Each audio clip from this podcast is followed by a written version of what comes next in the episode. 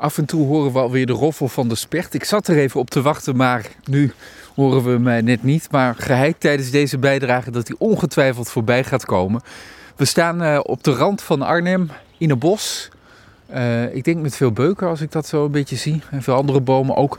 Maar we gaan ons nog meer op de grond richten. Sterker nog, dan ik zit in een kuil te kijken met Ja. water. En dat is de bron van het verhaal van vandaag. Ja, ja dus de, de, de bron van de Jansbeek is het hier.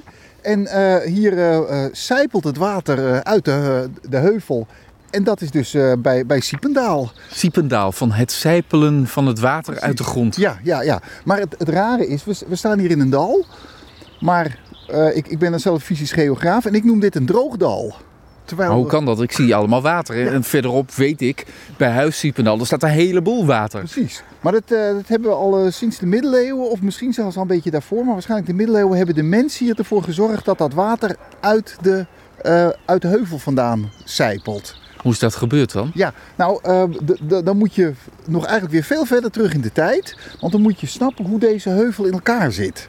Dit is een, een stuwwal, is opgestuwd door het ijs. En wij kijken nu naar het noorden. Dus je denkt, oh ja, in die, dat was in de ene laatste ijstijd kwam dat ijs vanuit het noorden. Dus je denkt dat ijs kwam daarna. Nee, dan moeten we ons eigenlijk omdraaien. Ach, dat kunnen we doen. We draaien ons om. Ja, al- als je kijkt naar de kaart van, van Nederland, dan zie je daar de Veluwe heel mooi op. En dan zie je dat bij, bij dieren maakt die, die, die Veluwe een hele rare knik. Ja, want je hebt een printje gemaakt. Ja, ja. je ziet eh, eh, bijvoorbeeld eh, Apeldoorn en dan aan de overkant als het ware van de IJssel heb je daar, daar Deventer. En daar kwam dat ijs aan. En bij dieren is dat ijs ooit, zo'n eh, 150.000 jaar geleden, heeft de bocht genomen en is...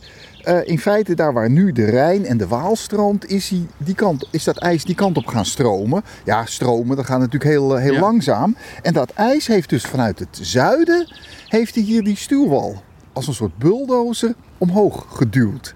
En dan moet je je echt voorstellen, als je hier stond, dat ijs, dat lag als het ware ook een beetje half over die stuwwal heen. Dus we stonden hier eigenlijk, nou misschien zo bijna loodrecht tegen zo'n wand van ijs te kijken, of we stonden hier zelfs onder het ijs.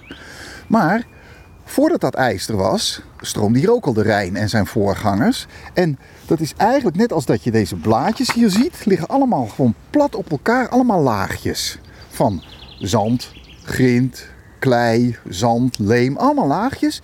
En dat is als het ware door, het, door dat ijs, het was hartstikke koud, zijn die laagjes allemaal in stukjes gebroken en zijn als een soort, soort schollen tegen elkaar aangeduwd. En die zijn dus als het ware deze kant, zijn, zijn allemaal zo dakpansgewijs over elkaar heen geduwd. Dus als je hier in de grond gaat kijken, heb je allemaal van die soort schollen, lagen van, van, van, van zand en klei die naast elkaar staan. En we hebben in Nederland behoorlijk wat regen. Er valt meer regen dan er verdampt. Dus dat water verdwijnt in de ondergrond en gaat dan, met name die zandlagen, gaat het naar beneden stromen. Maar als je nou precies op zo'n helling door zo'n klein laagje heen graaft, dan komt dat water vanzelf weer tevoorschijn, wat daar hoger ergens op de helling in de, de, eh, de heuvel is verdwenen.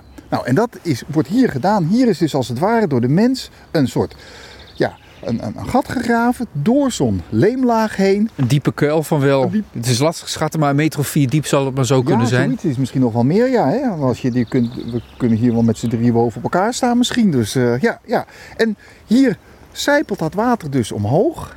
En dit is ook in feite het begin van Arnhem. Dit is het begin van. Hoezo dat dan?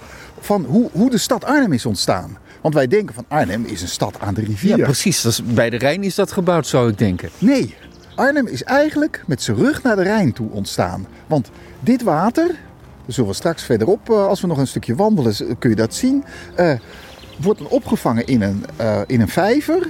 Dan zorg je de hele dag dat dat water steeds maar hoger en hoger wordt. Zet je een sluisje open, kan je een waterrad laten draaien, kan je een watermolen laten draaien. En hier langs die Jansbeek hebben een heel aantal watermolens gestaan.